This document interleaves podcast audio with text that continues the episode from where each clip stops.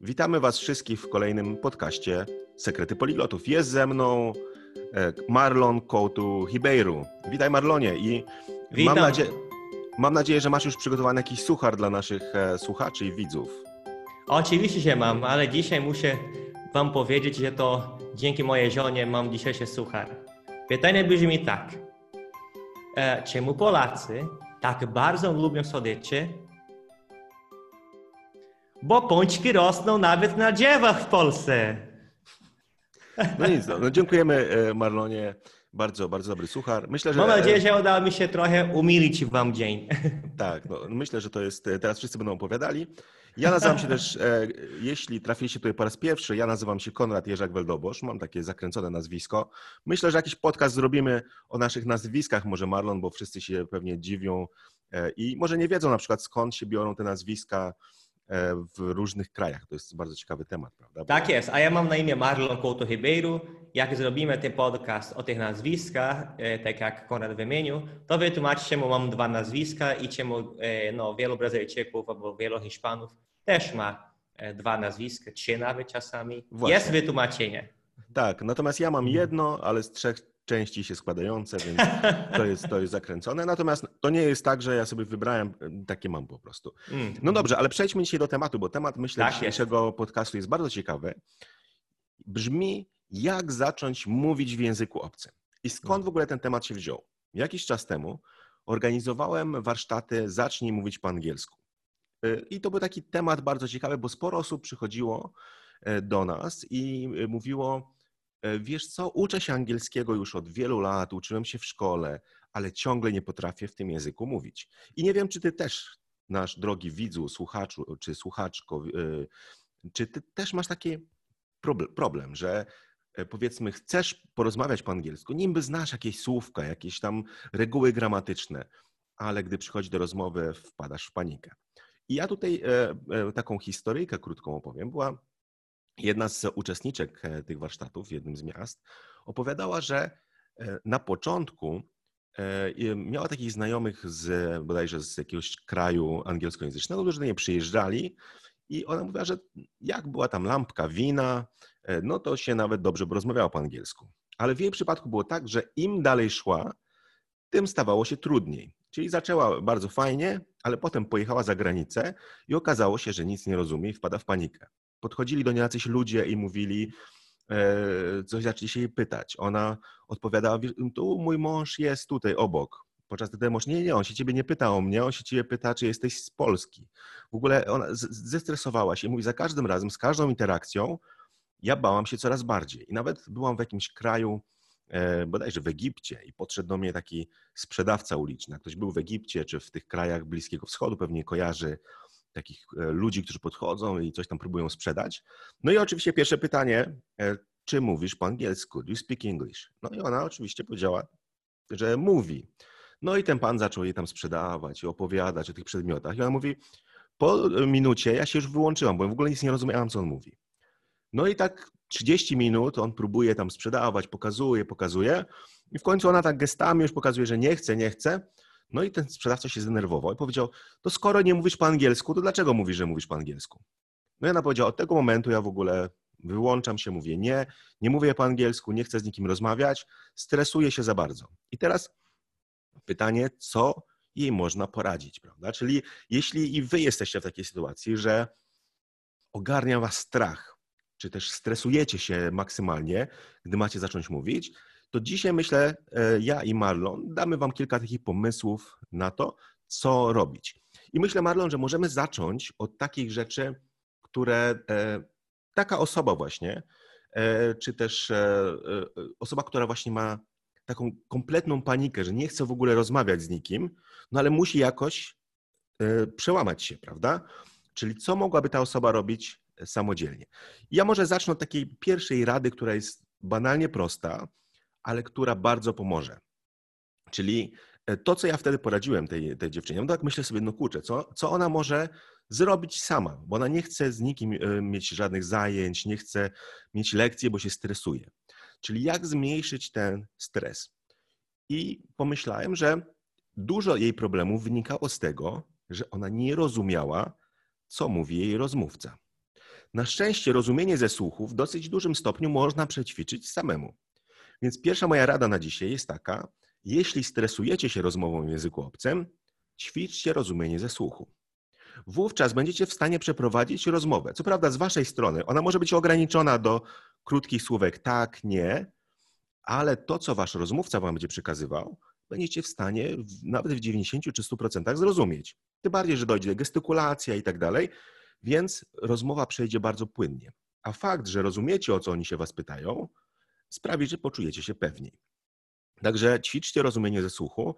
I tutaj wracając do tych e, poprzedniego podcastu, w którym mówiliśmy o błędach, tutaj zachęcam do tego, żeby do niego, do niego zerknąć, e, to moja rada jest taka, żeby słuchać trzy razy więcej niż robicie to teraz. Czyli nie wiem, ile godzin spędzacie na słuchaniu, na przykład w tygodniu czy w miesiącu, natomiast na pewno robicie to za mało. Czyli słuchajcie więcej nawet jeśli nie rozumiecie i tak dalej. Rada dobra jest taka, że na początku, jeśli macie problemy z rozumieniem, to starajcie się słuchać tych samych nagrań po kilka razy. Wówczas wasz mózg zacznie łapać pewne reguły, a jeśli słucha czegoś, co już znacie, to będzie, będzie łatwiej. A czasami nam się wydaje, ok, po co mam słuchać czegoś, co, czego już słuchałem? To w przypadku nauki języków lepiej jest to właśnie robić. Czyli pierwsza taka rada, bez wychodzenia z domu, bez spotykania się z jakimiś obcokrajowcami nauczycielami, po prostu skupcie się na słuchaniu, po to, żeby wasze rozumienie ze słuchu bardzo się e, rozwinęło. I teraz Marlon, powiedz, co z twojej strony, bo ty też e, masz pewnie, e, pewnie czy uczniów, ale też pewnie samemu z siebie masz takie wyzwania, że zaczynasz się uczyć jakiegoś języka i no co robić, żeby zacząć mówić w tym języku? Jakie masz może techniki czy pomysły? Tak, ja mam, ja mam taki pomysł, który e, na pewno się wiąże z tym, co mówiłeś, że trzeba słuchać, dużo słuchać. Ja myślę, e, patrząc na siebie samego, na, błędy, które już popełniłem, bo już od wielu lat się uczę języków i sporo tych błędów popełniłem. I patrząc na swoich uczniów, bo ja jestem nauczycielem i widzę, z czym borykają w Polsce i też w Brazylii miałem tych uczniów i mieli podobne problemy no to do, doszedłem do wniosku, że trzeba też e, słuchać siebie samego. Czyli trzeba dużo słuchać, tak jak mówisz, zgadzam się kompletnie, ale też trzeba słuchać siebie samego. E, no, po pierwsze, abyś mógł, abyś mógł zauważyć, nad czym trzeba już, e, nad, nad czym trzeba jeszcze dalej popracować, żeby polepszyć. Po drugie, abyś mógł też dostrzec to, co już umiesz, bo łatwo nam, nie? łatwo ludziom zauważyć, jakie błędy popełniamy, e, to, czego nie umiemy, ale z jakiegoś powodu trudniej zauważyć to, co umiemy, prawda? I ta świadomość bardzo nam pomaga e, nabierać tą pewność siebie, która jest potrzebna e, w momencie mówienia. Więc nagrywanie siebie samego, według mnie, odgrywa ważną rolę też w tym. Bo jak nagrywasz siebie samego i potem możesz posłuchać siebie samego, to możesz zauważyć te, te dwie strony to, co umiesz, to, czego nie umiesz, to, e, co się, się udało nauczyć i to e, nad tym, nad, nad czym trzeba dalej popracować. I ja robię to nagrywanie siebie samego na dwa sposoby. Pierwszy sposób się opiera o materiał, o materiał, z którego korzystamy. Na przykład, jeżeli masz podręcznik, z którego korzystasz do nauki, albo jeżeli masz dwa, trzy podręczniki, tak jak już Mówiliśmy w poprzednim podcastie, że ja korzystam z dwóch, z trzech na raz, też po, zachęcam tak, tak, tak zrobić. No to każda lekcja, każdy rozdział ma jakiś dialog na początku albo krótki e, akapit, nie? jakiś materiał językowy, który wprowadza dla nas e, właśnie zagadnienia lekcji. No to ja nagrywam na przykład siebie samego podczas gdy, gdy ja, ja to czytam. Tylko, że ja pracuję z materiałem, e, z którym już pracowałem wcześniej, z którego już się nauczyłem. Też, skoro jest internet, wiadomo, to też możemy, możemy używać e, dialogów, które, które są dostępne na YouTube albo w, w różnych stronach, ale zachęcam się, żeby to robić z materiałem znanym, z materiałem, e, którego już słuchaliśmy, bo już kojarzymy, jak to wszystko brzmi. Bo mamy tam nie tylko słowa, mamy zdania i te słowa zdania połączone mają, mają pewną melodię, prawda? Więc ważne, aby spróbować jak najbardziej, jak najwiarygodniej naśladować wymowy i melodii e, tych mówców, jak słuchaliśmy e, tego tekstu, tego dialogu. Nie? Więc ja nagrywam e, po pierwsze w taki sposób, nie? że robię coś mechanicznego. A drugi sposób to jest nagrywanie siebie samego, podczas, podczas gdy mówię spontanicznie. Czyli nie mam żadnego tekstu. Wiem, że dla tych, którzy są e, wzro... Jak się mówi? E, czekaj, wzro... Zapomniałem słowa, wzrokowcami, ale... Wzrokowcami. O, dziękuję. Dla, dla, dla tych, którzy są wzrokowcy, tak. To może być wielkie wyzwanie, bo nie mają tekstu, nie mają, nie mają bodźca przed oczami, prawda? Ale zachęcę, żeby tak spróbować zrobić, bo to nagrywanie siebie samego podczas gdy mówisz spontanicznie pomaga nam e, zautoma, za, zautomatyzować mówienie, po pierwsze. Po drugie, nasze mięśnie, takie mięśnie tutaj twarzy się przyzwyczajają do, do tych nowych dźwięków, bo to też jest ważne, abyśmy umieli wymawiać te wszystkie słowa, te wszystkie dźwięki, te wszystkie zbitki, w zależności od języka, to może być dla nas e, naprawdę wielkie wyzwanie.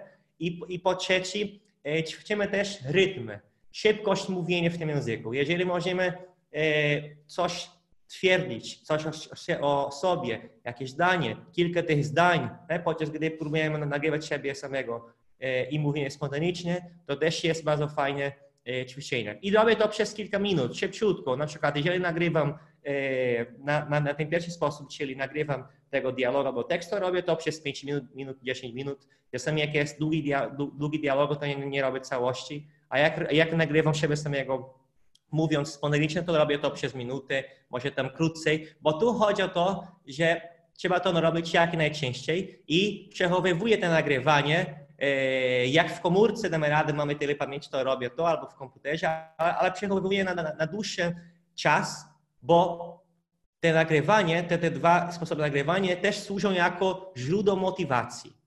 Bo czasami ludzie mówią, że nie mają motywacji, prawda, do nauki, że brakuje tego, a ja jestem zdania, chyba też koniecznie zgadzę, że motywację da się stworzyć. Nie da się kupić, ale da się stworzyć. I to jest na przykład jeden trik. Jeżeli masz takie źródło motywacji, do którego da się radę wracać, posłuchać siebie samego po kilku miesięcy i możesz spostrzec, jakie Y, mm, postępy robiłeś, to naprawdę, naprawdę daje nam motywację, żeby dalej się uczyć, żeby dalej ćwiczyć to mówienie. Bo ja jestem tego zdania, jestem przekonany, że y, aby zacząć mówić języku, trzeba mówić. Wiadomo, że trzeba słuchać, ale trzeba mówić. I podczas gdy jeszcze boimy się z, z kimś innym rozmawiać, najlepiej ze sobą mówić. Najlepiej do siebie mówić, bo my możemy siebie samego jak najlepiej oceniać. Bo my wiemy, z czym mamy problemy my wiemy, z, z czym borykamy. Więc my znamy siebie, samego lepiej niż nauczyciel, niż, niż słuchacz, niż słuchacz, który nas słucha podczas tego mówienia. Więc myślę, że trzeba tak się przygotowywać. Ja będę mówił inny, o, o innych e, tematach zaraz, i które są też bardzo blisko związane z tym, co teraz mówię. Ale co ty o tym myślisz, Konrad? Znaczy, ja myślę, że tutaj są dwa, dwie rzeczy, czyli jedna tak. to jest samo mówienie i to co, to, to, co powiedziałeś, to jest e, całkowita racja, bo Problem ludzi w mówieniu jest to, że za mało też mówią, prawda? A gdy zaczynamy mówić do siebie samego, czy też, i tutaj to, co ja stosuję też, i to jest dokładnie to, co ty robisz, czyli czytam, bo czasami nie wiem, co mam powiedzieć, prawda? To, to jest taki e, problem i wtedy myślę, o, nie wiem, co mam powiedzieć, czyli mój mózg mi podpowiada, o, bo nie znasz języka, to nie wiesz, co powiedzieć. Ja czasami po prostu nie wiem, co powiedzieć, więc e, czytanie to jest takie fajne, e, fajne rozwiązanie, bo gdy biorę jakiś tekst, czy ten dialog, czy jakiś prosty tekst do przeczytania, to nie muszę się zastanawiać, co mam powiedzieć, bo te słowa są już napisane. Ja je mam tylko przeczytać. I tutaj, jeśli ktoś nie lubi siebie nagrywać, to może po prostu zacząć czytać na głos. Wtedy tak czy inaczej siebie usłyszy. No i tutaj dużo osób oczywiście mówi, o ja nie lubię słyszeć swojego nagrania, na, jak nagrywam się, nie, nie lubię słyszeć nagrania. Ja zawsze to im podpowiadam. A dlaczego? Mówi, no bo ja tak strasznie brzmię, mój głos jest taki dziwny. Ja mówię, ale pomyśl sobie o nas, my ciebie musimy słuchać. Prawda? I teraz e, e, tak jak e, tutaj jest i, i, i myślę, że to jest takie, to nagle rozumiemy, ok, czyli nie mam czego się wstydzić, bo tak jak ja brzmię na tym nagraniu, tak ludzie mnie słyszą. I to jest taka ciekawa prawda, bo my przez to, że właśnie do naszych uszu chyba ten dźwięk jest trochę zmieniany, dociera on w inny sposób, więc my jesteśmy przyzwyczajeni do innego brzmienia naszego głosu, ale tak czy inaczej, nawet jak siebie nie nagrywamy, to słyszymy, jak wymawiamy pewne rzeczy. Widzimy, z czym mamy problem i możemy też nauczyć się mówić płynnie, bo tak jak wspomniałeś, te mięśnie twarzy musimy tutaj e, rozwinąć. Czasami, na przykład w przypadku języka angielskiego, trzeba je rozluźnić. Więc jeśli ktoś chce ćwiczyć e, powiedzmy wymowę w języku angielskim, to najczęściej musi sobie robić takie ćwiczenia na początek, masowanie twarzy, takie rozluźnienie, bo wtedy będzie lepiej mówił, prawda? I to, to jest jedna, jedna z, takich, z takich rzeczy. Czyli myślę, że ta twoja rada jest bardzo, bardzo przydatna właśnie jak zacząć mówić, nie mając drugiej osoby obok nas, prawda? Jak Natomiast e, ja bym poszedł już taki kroczek dalej. E, jest taka technika bardzo, bardzo ciekawa, którą przećwiczyliśmy właśnie na tych warsztatach Zacznij mówić po angielsku. To była taka ciekawa sytuacja. Ja poprosiłem, zawsze tam było powiedzmy ze 20 osób i tak dalej, poprosiłem, żeby dobrali się w pary, i, e, ale na takiej zasadzie, żeby osoby, które siebie nie znają, czyli jeśli powiedzmy jacyś przyjaciele przyszli razem, czy tam chłopak, dziewczyna, mąż, żona, żeby byli na to, e, do tego, e, pod kątem tego ćwiczenia, żeby dobrali się z osobą, której, z którą nie rozmawiali, nawet w czasie przerwy. Czyli zupełnie obca osoba. Oczywiście trochę ją kojarzyli i tak dalej. No i o co ich poprosiłem? Teraz spróbujcie w, tam w czasie tam dwóch, trzech minut znaleźć, mówiąc po angielsku. Czyli są ludzie, którzy przyszli myśląc, że nie potrafią mówić po angielsku. Powiedziałem im, spróbujcie znaleźć pięć rzeczy wspólnych, które macie, prawda? Czyli no taka najprostsza rzecz, prawda, tak jak ja i Marlon, ok, jesteśmy mężczyznami, prawda, to jest rzecz wspólna. Druga rzecz wspólna, którą możemy powiedzieć, ok, lubimy języki i tak dalej. Czy każdy mógł znajdywać rzeczy? Czasem to były takie proste rzeczy, typu na przykład, że obie osoby miały dzieci, czy obie osoby, nie wiem, e, e, mogły być na emeryturze, czy takie banalne rzeczy, ale czasem oni się doszukiwali już takich bardzo skomplikowanych, typu, że lubią jakiś zespół muzyczny z jakiegoś dziwnego kraju, prawda? Czyli i to, co było ciekawe, po tych kilku minutach, jak oni zaczęli rozmawiać, i dopytują się, zadając proste pytania, czy lubisz to, czy lubisz tamto, to miałem kilka sytuacji, że ci ludzie zaczęli rozmawiać jak, jak nakręceni po angielsku, że ja e, nie, nie byłem w stanie im przerwać. Oni, którzy przyszli na te warsztaty, myśląc, że nie potrafią mówić po angielsku, nagle po tym angielsku mówili. I dlaczego tak się stało? Dlatego, że e, w wielu przypadkach mamy taką wewnętrzną obawę, prawda? Mózg nasz działa, zwłaszcza ten taki najbardziej prymitywny, ten, który się nazywa gadzim mózgiem, on działa w ten sposób, że szuka podobieństw. I e, no, taka prosta zasada, prawda? Jeśli coś jest e, dziwne, czegoś nie znam, to znaczy, że to jest niebezpieczne. Jeśli coś jest podobne, to znaczy, że jest bezpieczne. Nie jest to oczywiście w 100% e, e, mądra zasada, ale tam powiedzmy tysiące lat temu sprawdzała się doskonale, prawda? Czyli jeśli widzę, że coś się porusza tam w tych krzakach, to znaczy, że to może być niebezpieczne, prawda? Czyli e, nasz mózg wyłapuje to. I teraz z zasady, jeśli mówimy w obcym języku, który jest dla nas obcy, prawda? Nawet to brzmienie słowa obcy znaczy, że coś, co wywołuje w nas trochę strachu, to tworzy się w nas taka blokada psychologiczna. My chcemy uciec, prawda? No bo wiadomo, że e, jest e, ten mózg właśnie, no okej, okay, jest coś niebezpiecznego, więc muszę uciec. Natomiast jeśli zaczynamy szukać elementów wspólnych z naszym rozmówcą, to mózg nagle się relaksuje i wydaje mu się, że jest w stanie po prostu mówić bez problemu, że ta osoba, z którą rozmawiamy, jest godna zaufania. I to jest taka prosta sztuczka psychologiczna, jak oszukać nasz mózg, żeby się rozluźnić. Czyli zanim zaczniecie rozmowę z kimkolwiek, spróbujcie nawet wizualnie e, pewne elementy wspólne znaleźć. Czyli możecie na przykład, o, ta osoba ma okulary tak jak ja, ta osoba jest też blondynem czy brunetem. Proste rzeczy. O, ma też koszulę w takim samym kolorze. Szukajcie banalnych y, rzeczy wspólnych w wyglądzie.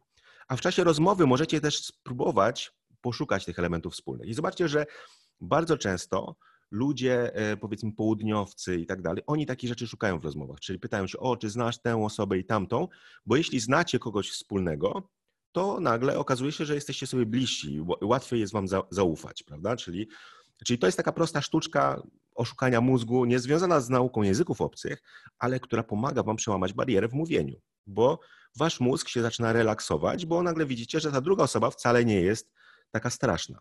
I tutaj to, co się sprawdza też bardzo fajnie, to jest, e, widzę, że ludzie mają trudność w rozmowie z native speakerami, prawda? Bo e, jak patrzymy na nich, to od razu pierwsza rzecz, która się rzuca w oczy, oni mówią w tym języku, a my się go uczymy. Czyli jest różnica. Czyli skupiamy się na tym, co nas różni.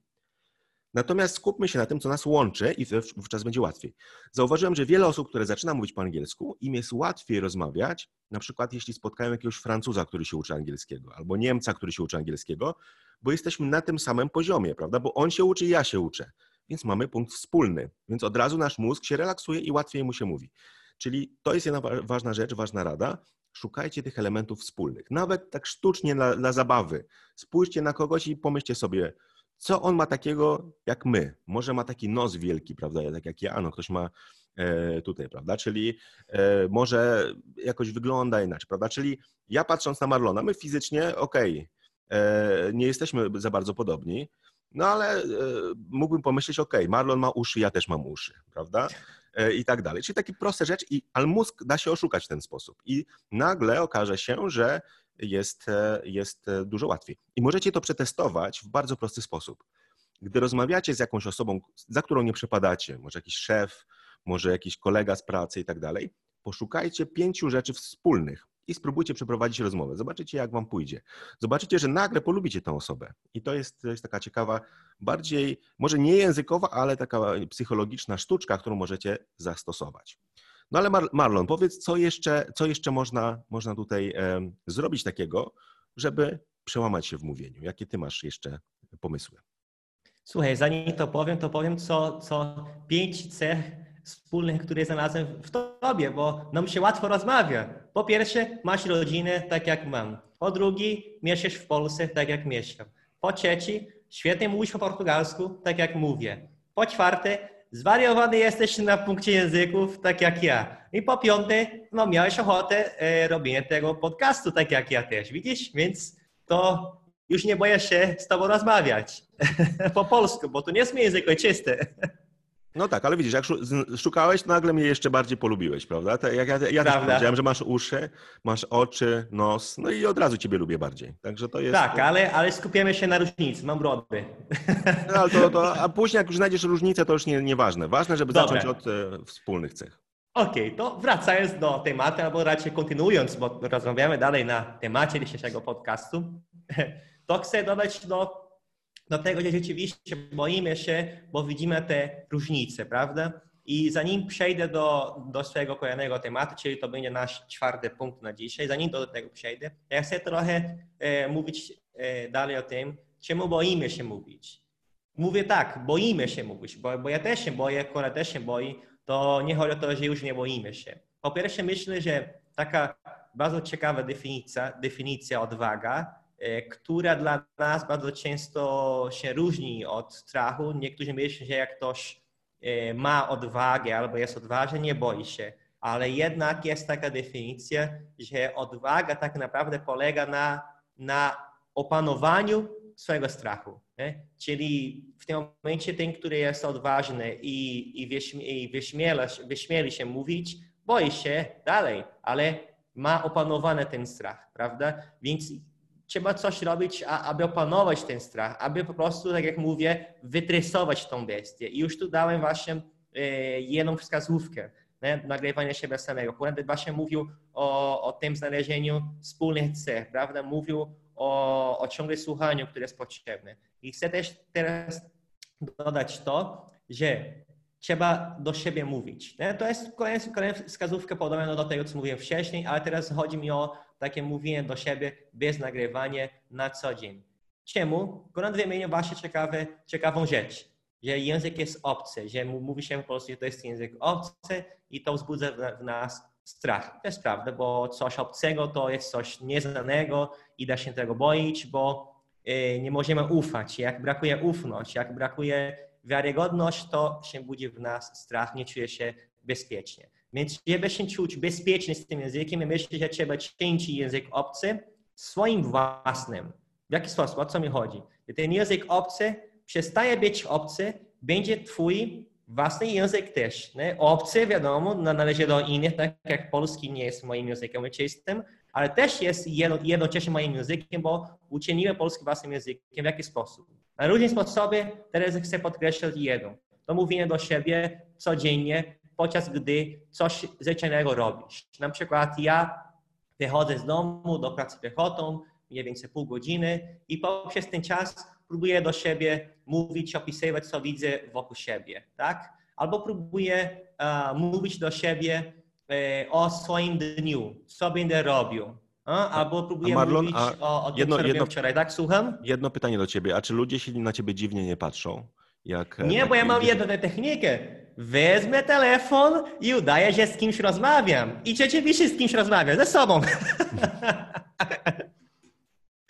wiadomo, że i tak ludzie patrzą, bo tak to robię, nie po polsku, wiadomo, nie? to robię w innych językach, patrzą, ale e, chyba więcej by patrzyli na mnie, gdyby nie, gdyby nie korzystał z tego triku, nie? że mam tu telefon, do, do, do, do ucha przyłożone i bla, bla, bla, bla, bla, coś tam mówię. Znaczy myślę, że jak polski ćwiczysz, to jest dla nich, e, bo e, jak mówisz, o widzę drzewa, teraz przychodzę koło dziwnego pana w czarnej kurtce i tak dalej, no to oni rozumieją, prawda? Jak mówisz po japońsku, czy, no to wtedy jest... E, Słuchaj, szczerze mówiąc tego nie robię, ale powiem ci, że raz tak było, że, że trochę po chińsku do siebie mówiłem przez telefon i nagle to, nie zauważyłem, jakiś student na, na wymianie z Chin e, obok mnie przyszedł i właśnie mówiłem e, nie coś dziwnego, ale coś prostego, że e, jem codziennie rano chleb, takie coś, nie? I on tak na mnie patrzył zdziwiony, bo jak ktoś rozmawia przez telefon, po co ma o tym mówić, ma o tym rozmawiać dzisiaj, co je na śniadanie codziennie, tak? Patrzę na mnie trochę, tak się pośmiał i tak, to było ciekawe, śmiecie. Raz tam była taka sytuacja.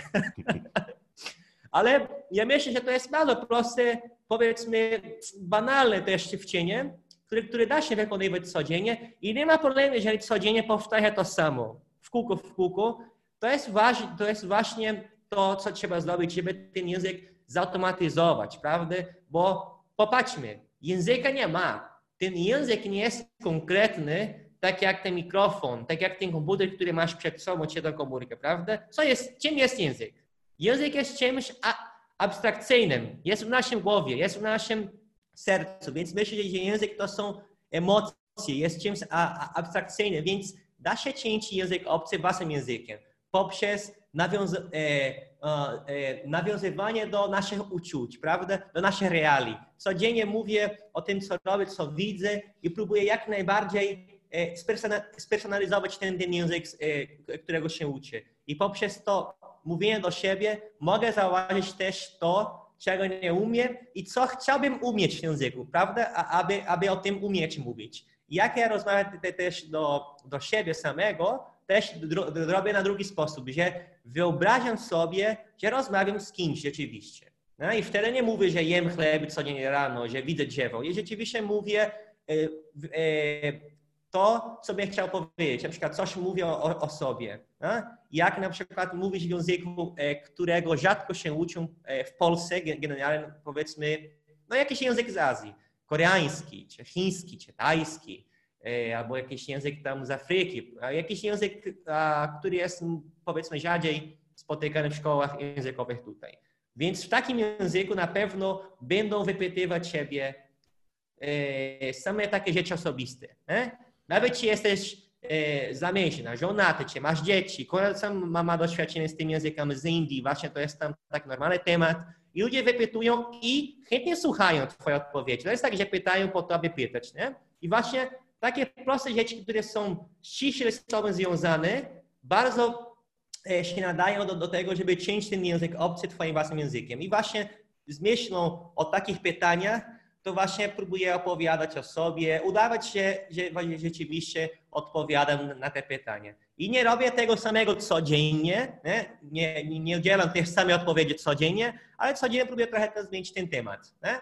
Więc to myślę, że, że to bardzo się przyda, żeby ten język zautomatyzować. Bo jeżeli jesteś e, jakby przyzwyczajony do tego języka, jeżeli już się wczyłeś, jeżeli uczyniłeś ten język własnym jeżeli masz już doświadczenie, jeżeli nabrałeś wprawy, to wtedy zaczynasz bać, e, e, przestać bać się mówić, prawda? Zaczynasz już opanować ten strach i mieć odwagę potrzebną do mówienia.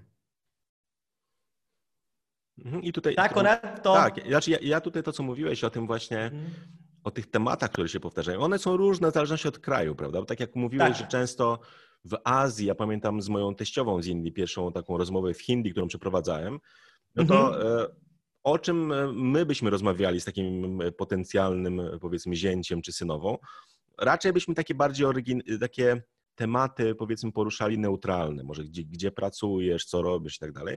A ona pierwsze pytanie, opowiedz mi o swojej rodzinie, prawda? Bo w Indiach rodzina jest najważniejsza i e, to był taki temat bardzo, bardzo częsty, czyli tak jak ja zauważyłem na przykład, w, jak byłem w Chennai na południu, gdzie mówi się po tamilsku, no to oni mnie pytali się cały czas, czy jadłeś obiad, czy już jadłeś obiad, co jadłeś na obiad i tak dalej, czyli jedzenie było też dla nich ważne, prawda? Więc są tematy, o których mówimy. Natomiast moja taka rada dodatkowa jest e, taka, żeby E, wyobrażać sobie, jak będziemy mieć jakąś rozmowę, zwłaszcza w jakimś kontekście takim, który jesteśmy w stanie przewidzieć, by się do niej przygotować. Ja tutaj taką mam e, sytuację, którą mogę powiedzieć. Jak byłem w Pradze ostatni raz już jakiś czas temu, natomiast to był pierwszy raz, kiedy pojechałem tam E, po tym, jak zacząłem uczyć się czeskiego. I wówczas jeszcze z nikim po czesku nie rozmawiałem, więc to był taki pierwszy wyjazd. No i postanowiłem sobie, mimo że ja nie lubię za bardzo tak, za, za, nie wiem, ludzi na ulicy zaczepiać i tak dalej, żeby, żeby mówić, natomiast, że będę starał się tego czeskiego używać w tych naturalnych jakichś sytuacjach, prawda?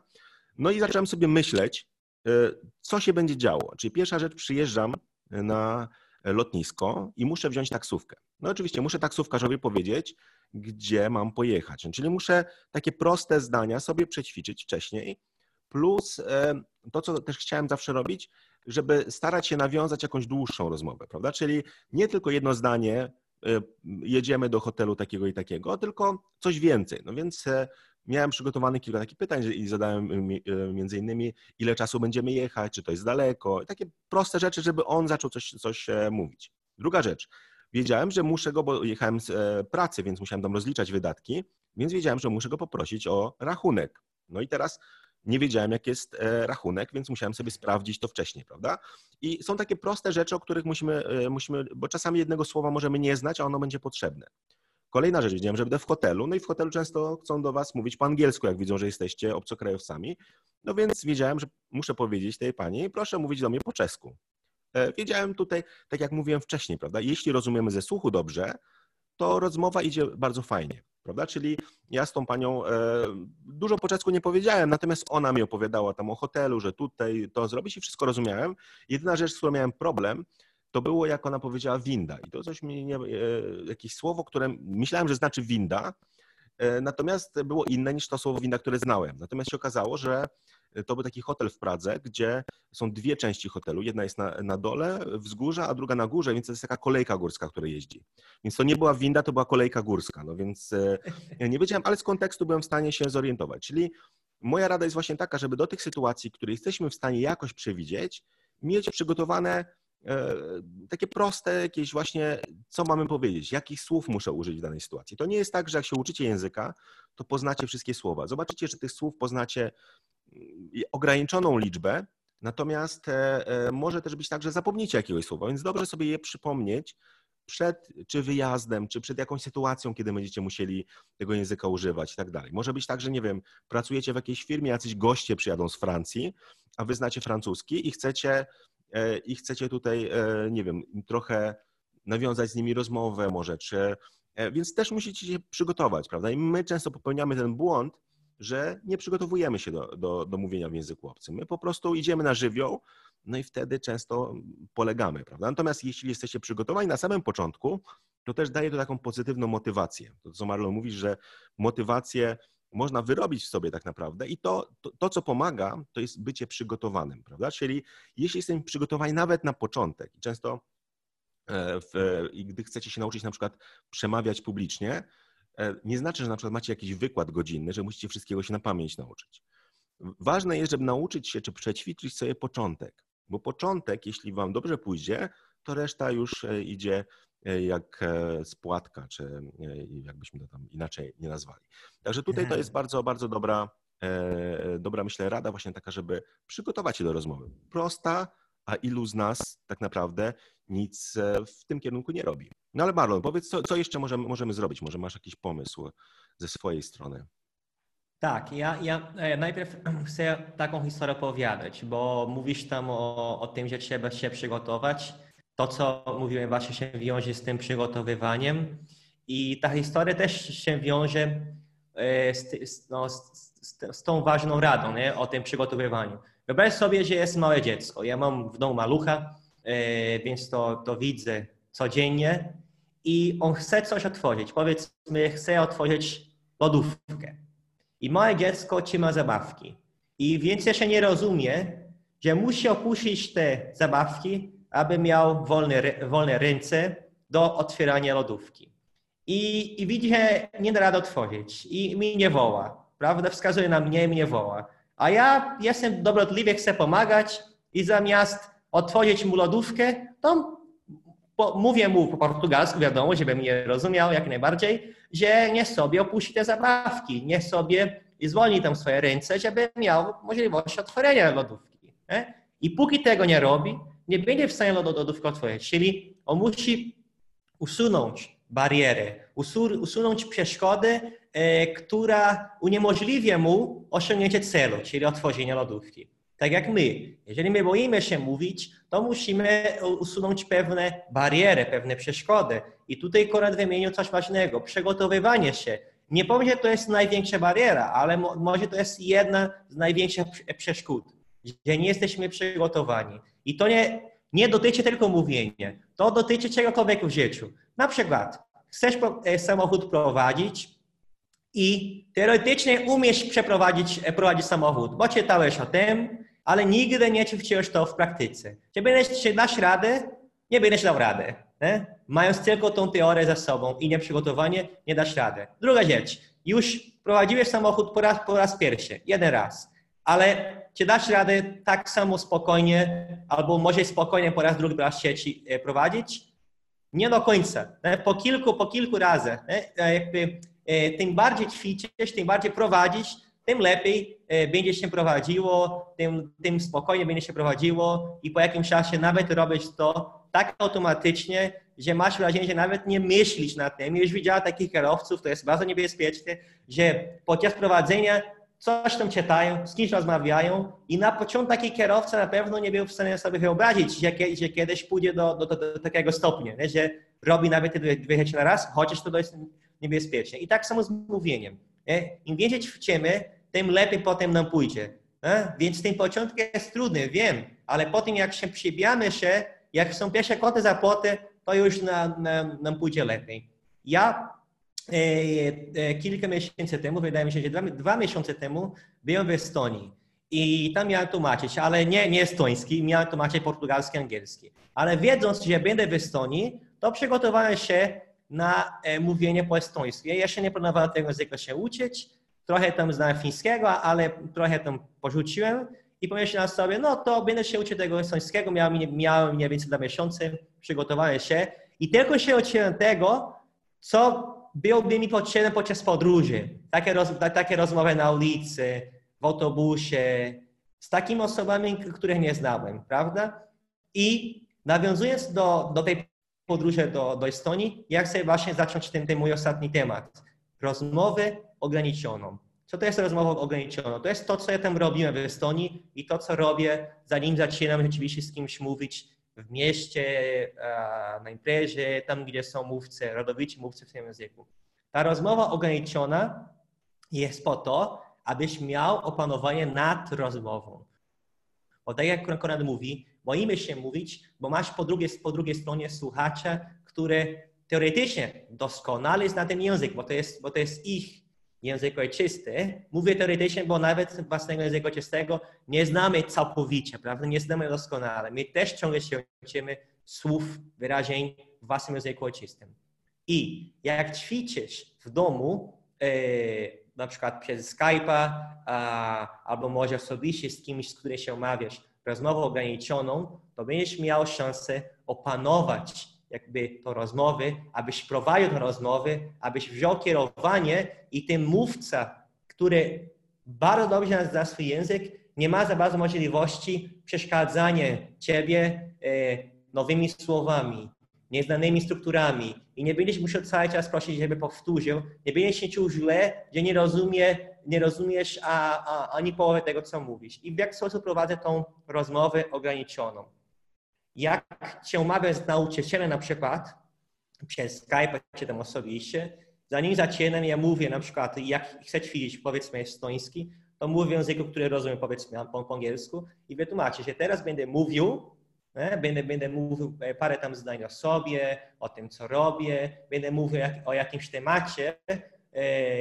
który przygotowałem wcześniej i będziesz mnie posłuchał, będziesz mnie poprawił, jeżeli popełnię jakiś błąd, będzie zadawał mi pytanie z tym związane i to robię przez 5-10 minut, bo, bo, bo to jest krótka rozmowa. I to jest ta, tak jak mówię, ograniczona rozmowa, bo ograniczamy temat, ograniczamy słownictwo. I osoba, która nas słucha, na przykład ty nauczyciel albo kolega, z którym ćwiczysz, tylko wie, że będzie mówił z tobą na ten temat. Nie? Mówicie na przykład o środowisku, bo to jest temat, który, który ciebie interesuje.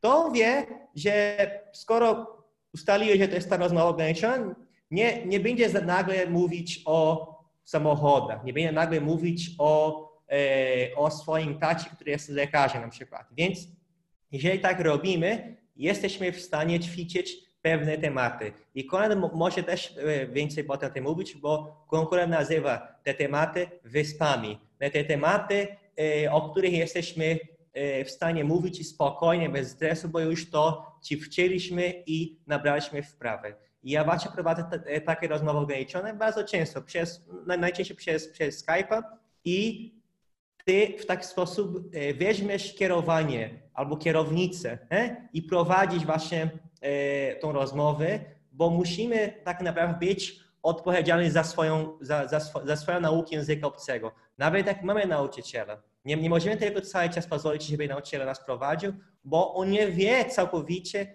jakie są nasze realne potrzeby, jakie są nasze cele, bo też jest ważne to, gdzie i kiedy będziemy mówić. Na przykład ja, jeżeli chodzi o estoński, wiedziałem, że będę mówił po estońsku w Estonii przez tydzień, będę mieszkał u Estończyka, więc wiedziałem, jakie są warunki, jakie są możliwe sytuacje, jak są, jak, nawet jakie są możliwe słownictwo, e, z którego będę, będę musiał korzystać. I tak jak Pan wymienił o tym o tej podróży do, do Pragi, jak czegoś nie znał, sprawdzał. Też miałem tą sytuację, że czasami potrzebowałem jakiegoś słowa, który, który nie znałem, ale już znałem zdanie, struktury języka, bo się, się tego wcześniej. Sprawdzałem tam w Google, albo Glosby jest tak, tak, taki słownik, sprawdzamy sobie i się tego, z tego słownictwa i od razu już, już wprowadziłem, wprowadzałem go w rozmowie, bo było mi e, to słowo potrzebne w danej chwili. Więc myślę, że to jest e, ważna rada i co byś więcej mógł o tym mówić, Konrad, albo co ty, o co o tym myślisz? Czy już kiedyś prowadziłeś taką rozmowę ograniczoną,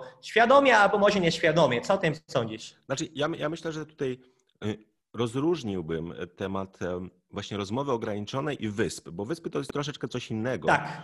E, to jest tak. taka technika już e, bardziej polegająca na tym, że ćwiczymy jakiś temat do bólu, że już go znamy bardzo dobrze. Natomiast rozmowa ograniczona to jest, z tego co rozumiem, jak e, opowiadasz, to jest tak, że wybieramy sobie jakiś temat, prawda? To może być nawet tak, e, że o czymś mówimy, a może na przykład jakaś rozmowa, typu nie wiem, e, mówimy naszemu nauczycielowi, że dzisiaj uczym, chcę się nauczyć kupować bilet, prawda? Czy ty będziesz sprzedawcą, tak. ja będę kupował bilet, prawda? Czyli...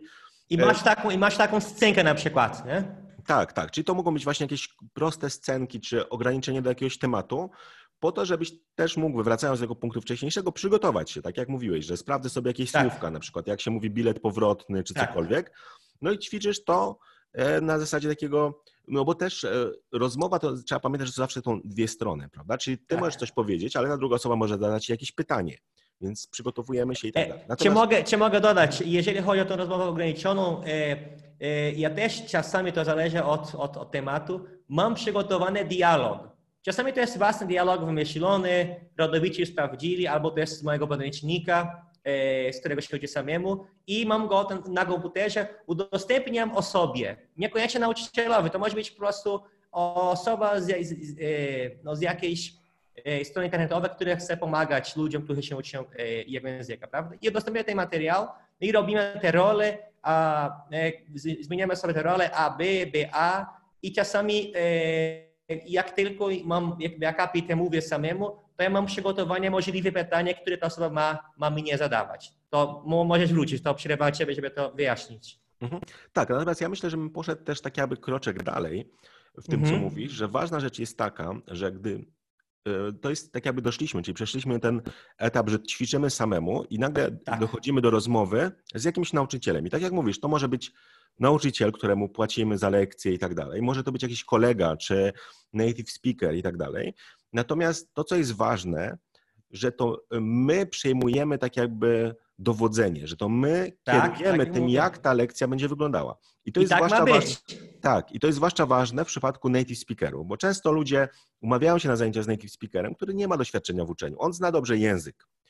I e, parę razy miałem takich uczniów, którzy mówią, nie, ja chodziłem na lekcję z takim Amerykaninem, ale bez sensu, bo ja się go pytam, dlaczego, dlaczego tak mówicie, dlaczego używacie tego słowa? On mówi, nie wiem, no tak my mówimy, prawda? I ona mówiła, ja tu chciałam wyjaśnienia gramatyczne, a tu żadnego nie mam. I to był błąd, prawda? Bo jeśli chcemy wyjaśnień gramatycznych, to pójdźmy na zajęcia do e, osoby, która jest z tego samego kraju co my, bo ona miała te same problemy, te same pytania i ona będzie w stanie powiedzieć, dlaczego mówimy e, to słowo, a nie to, prawda? E, I natomiast powiedzmy Amerykanin na w języku angielskim, on będzie wiedział, dlaczego, znaczy kiedy, nie, nie dlaczego, ale będzie wiedział, kiedy można tak powiedzieć. Ja to widzę na przykładzie mojej żony, z którą no, ćwiczę czasami hindi i teraz ona nie wie nic o gramatyce hindi. Ja wiem 10 razy więcej, no bo czytałem i mówię, a wiesz, że macie przypadki, macie deklinację w hindi. Jak to mamy przypadki? Nie mamy żadnych przypadków. W sanskrycie są przypadki, ale w hindi też są, tylko że są uproszczone i na, oni na to nie zwracają uwagi, prawda?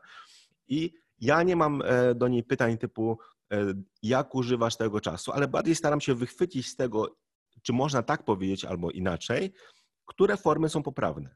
I to, co jest ciekawe, na przykład oni nie wiedzieli, że w języku hindi jest jest, e, są te formy, powiedzmy te czasowniki dokonane, niedokonane. I o tym nikt nie wiedział, dopóki jakiś tam czeski badacz e, w sanskrycie bodajże, czy w hindi, to odkrył, bo on, o, w języku czeskim jest tak samo jak w języku polskim, on zauważył, o, to jest ten sam, ta, ta sama idea jest przekazywana, prawda? I teraz można to w ten sposób trochę, trochę do tego podejść, ale osoba, która mówi tym językiem, nie będzie miała pojęcia, więc ona przychodzi i ona jest świetna do pomocy, bo ona wie, co jest poprawne, a co nie, ale nie wie dlaczego. I jeśli my przejmujemy e, uczenie się, to wówczas jest nam łatwiej, bo wtedy idziemy i chcemy sprawdzić. I mówimy, mhm. powiedz mi, czy mówię dobrze, czy nie, niedobrze, albo jak byś powiedział w takiej sytuacji, co byś powiedział, bo czasem mhm. to nie jest kwestia słowa, ale jest kwestia użycia e, pewnej konstrukcji albo użycia e, czegoś zupełnie innego. Na przykład jak mamy nasze jak się masz, prawda? Często pewnie, ty miałeś chyba właśnie tą książkę, jak się masz profesora Miodunki, czy, czy tak. był świetny dialog, ale przecież my nie mówimy tego po polsku. I jak ja uczę, powiedzmy, po polsku powiem, że mówisz cześć do kogoś. To jest takie powitanie. Ja się nie pytam kogoś, jak się masz. To pytam się, co słychać, jeśli chcę rzeczywiście z tą osobą porozmawiać już. Natomiast takie zwykłe powitanie, no to nic nie mówię. Natomiast w Brazylii jest trochę inaczej, bo ludzie na przykład witają się na ulicy i mówią tudo bem, prawda, czyli wszystko dobrze. I ta osoba, co odpowiada? Odpowiada tym, tym samym pytaniem, prawda? Czyli nawet nie, nie mówi, czy jest wszystko dobrze, tylko odpowiada. Druga rzecz, i Polacy często mają ten problem, że po angielsku, jak mamy tam, e, prawda, pytamy się właśnie, jak się masz, e, how are you, prawda? I oni e, no, chcą powiedzieć, o, mam się źle, jestem chory i tak dalej, bo my tak, jak co słychać, to oczywiście narzekamy. Natomiast w języku angielskim nikt nie odpowiada zgodnie z prawdą. Zawsze mówimy, że jest ok, świetnie, dobrze, bo to nie jest pytanie o to, jak się masz. To jest takie coś jak dzień dobry, prawda? Czy po polsku mówimy dzień dobry, to nie znaczy, że życzymy tej osobie dnie, dobrego dnia czy cokolwiek, bo to nawet jest niepoprawne, bo powinniśmy powiedzieć dobry dzień, prawda? Mówimy na odwrót, bo to jest takie utarte powiedzenie. I my wiemy, że w momencie, kiedy e, e, witamy się z kimś, no to powinniśmy użyć dzień dobry, prawda? E, często jest też na przykład, kiedy mówimy e, e, powiedzmy, przepraszam, kiedy y, y, chcemy zapytać się kogoś o coś, prawda, na ulicy, no to Polacy mówią, przepraszam, czy mógłby mi pan pomóc? Brazylijczycy co by powiedzieli? Powiedzieliby proszę, prawda? Po polsku o, mhm. coś dziwnie brzmi, ale natomiast są takie drobne rzeczy, które właśnie native speaker może nam wskazać, czyli przejmijmy e, tutaj e, tak jakby kierowanie taką lekcją, czy taki, taką interakcją mhm. z, z daną osobą, bo ona często nie będzie wiedziała, jak się zabrać za nauczanie. Chyba, że to jest nauczyciel, prawda, który jest przećwiczony już i, i, wie, jak to robić, ale często nie będzie wiedziała. Więc my musimy podpowiadać i tutaj rozmowa ograniczona to jest jeden dobry pomysł. A drugi tutaj chciałem podrzucić jeszcze na, na, na koniec, to jest, żeby ustalić z tą osobą na początku, jak ona będzie poprawiała nam błędy. Bo y, bardzo często naszym problemem jest to, że się boimy właśnie popełnienia błędu. I to nas blokuje. Gdy zaczynamy coś mówić, będzie, o, tutaj źle powiedziałeś, tutaj złe słowo i się stresujemy. Dlatego moja rada jest taka, i to jest coś, co stosujemy też na, e, na naszych kursach, jak mamy e, webinary na tych średnio zaawansowanych, to jest to, żeby błędy, nie poprawiać błędów od razu.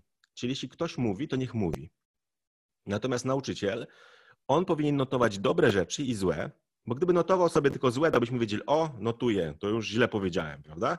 Natomiast jak on sobie notuje, no może na przykład mamy ładny akcent, czy cokolwiek, że dobrze powiedzieliśmy, no niech notuje wszystkie uwagi i na koniec lekcji on podsumowuje, prawda? Czyli, e, czyli u nas na przykład e, te webinary prowadzi Paweł i on właśnie tak robi, że e, rozmawiamy, właśnie czy są ograniczone rozmowy, czy te wyspy, ludzie tam, on zadaje pytania, jest, jest normalna rozmowa w tym języku, po czym na koniec webinaru on wraca, ok, czyli tutaj na przykład mieliście problem z tym, tym czasem. I to nie jest osobiste takie wskazanie, o tutaj, tutaj Krzysio miał, mm. miał problem, prawda?